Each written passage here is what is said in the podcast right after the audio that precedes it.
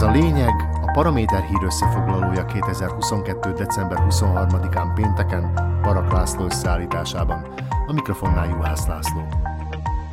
A lényeg támogatója a Kaufland, ahol karácsonykor is lehetséges a spórolás. Karácsony küszöbén szünetelnie kellene az erőszakoskodásnak, a kölcsönös szeretetnek kellene helyettesíteni a kölcsönös gyűlölködést. Mindenkinek azt kellene tennie, ami a szívének kedves, egészen addig persze, amíg másokat nem gátolna ugyanebben. Pláne, ha már a keresztények Jézus születésére esküsznek, aki a legenda, illetve a hitük szerint a szeretet megtestesítője követe. Ugye az megvan, ha megdobnak kővel, dobd vissza kenyérrel. Na azért talán ezzel az üzenettel lehetne valamit kezdenie sok-sok kereszténynek, nem igaz? Ha agybajos, ha nem. Abban viszont egyet lehetne érteni hitbéli meggyőződéseken túl is, hogy Igor Matovics nélkül jobb lehet a megbízott kormány dolga, mint amilyen vele volt. Ha Igor nem agybajos, beláthatná, hogy neki is jobb lehet kormánypozíció nélkül, mint amilyen sora kormánytakként volt. Ha így van, akkor rock and roll, nem de bár? Zuzana Csaputová államfői tisztségének kötelezettségeiből adódóan csendben leváltotta Igor Matovicsot, és annyi. Igor távozása egyébként valójában nem leváltás és nem is lemondás következménye, hanem csak a megbizatásának a visszavonása. Hiszen egy már megbukott és az ország irányításával feltételesen megbízott kormánytagja volt ő. Akkor pedig mi a probléma? A normális emberek, vagyis a kívülállók szerint természetesen semmi probléma nincsen abban, hogy a legutóbbi parlamenti választások győztese, az Oleno elnöke visszamegy a parlamentbe mivel eddigi kormánybeli cselekményeiről egyébként is ordít, hogy nem odavaló. Ilyen alapon persze kijelenthető lenne, hogy a parlamentbe se. Csak hogy mivel semmi sem tökéletes, így a demokrácia sem az. Ezért alig ha lehet kitiltani emberünket a parlamentből is. Elvégre legutóbb a választások győztese lett valahogyan. Ezt a tényt minden agybajtól mentes alanynak be kellene látnia, de mi van, ha magának a célszemélynek, konkrétan Igor Matovicsnak nincsen arra elég gógyia, hogy felmérje, sem a politikának, sem pedig a parlamentnek nem az a lényege, hogy eszetlen magamutogatásba fulladjon a törvényhozás. Csak egy baj van, ha egy politikus a végrehajtó hatalomban, vagyis a kormányban nem bírta megszokni, hogy egy ország irányítása nem holmi cirkuszi mutatványokból áll, akkor ugyanaz az ember miért tartaná magát ahhoz, hogy a törvényhozás, illetve a parlament sem holmi libalegelő ahol akkor tolod le a gatyádat, amikor akarod. Szóval csak annyi a gond, hogy az agybaj sajnos nem múlik el, hanem esetleg átalakul. Na de, karácsony van, nem de? Reméljük hát a legjobbakat.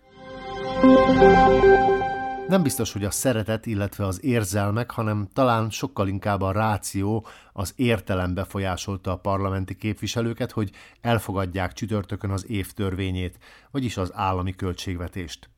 Ez a sarkalatos törvény hozta össze az eredeti koalíciót, és alkotmányos többséggel 93 képviselő szavazatával hagyták jóvá.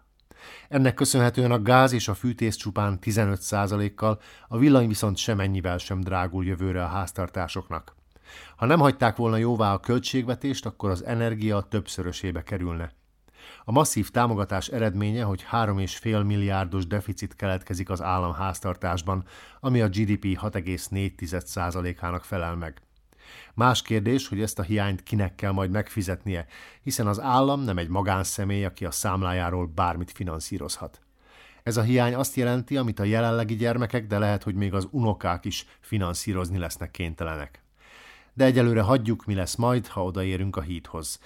Hogy miként és mennyiért lehet majd átmenni azon a hídon, azon kezdjünk majd akkor gondolkodni, amikor megyünk át rajta. Most az a lényeg, hogy kezdetét vette a karácsonyi szünet, és a gyerekek legközelebb január 9-én mennek iskolába. Hát nem szuper? A gyerekeknek hogyne. Miközben számos iskolában már korábban elkezdődött a téli szünet, aminek oka az influenza helyzet.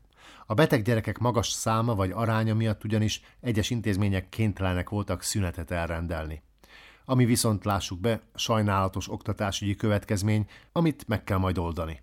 A korábbi években a téli szünetet egynapos félévi szünet követte, idén azonban az Oktatásügyi Minisztérium azt megszüntette, így erre 2023-ban sem kerül már sor. A téli után a legközelebbi szünidő tehát a tavaszi lesz, amely különböző időpontokban lesz az ország különböző régióiban. Ehhez képest jó lenne belegondolnunk, ha tetszik nekünk, ha nem, léteznek rajtunk kívül olyan embercsoportok, akiknek nincs más választásuk, mint menekülni. A háború kezdete óta már egymillióan jöttek át Ukrajnából Szlovákiába a határon. A szlovák-ukrán határon zajlanak a felkészülések a menekültek újabb hullámának érkezésére. Az ukránokat a rakéták mellett az azok által okozott sötétség és hideg is elűzheti otthonaikból. A kocsisor a határon a hét elején átlagban 50 autóból állt érkezéskor, tudósítanak a tévétársaságok. Mielőtt bárki arról sóderolna a kényelmes melegben, hogy mennyire kell utálkozni a háborús menekültek sorsán és láttán, talán érdemes lenne azon elgondolkodnia, hogy a béke szigetein élő embermilliókkal is előfordulhat bármikor e filmszakadás. A jólétet, a viszonylagos Havajt bármikor felválthatja egy olyan élethelyzet, amitől a szomszédaink menekülni kénytelenek. Ha karácsony van, ha nincsen.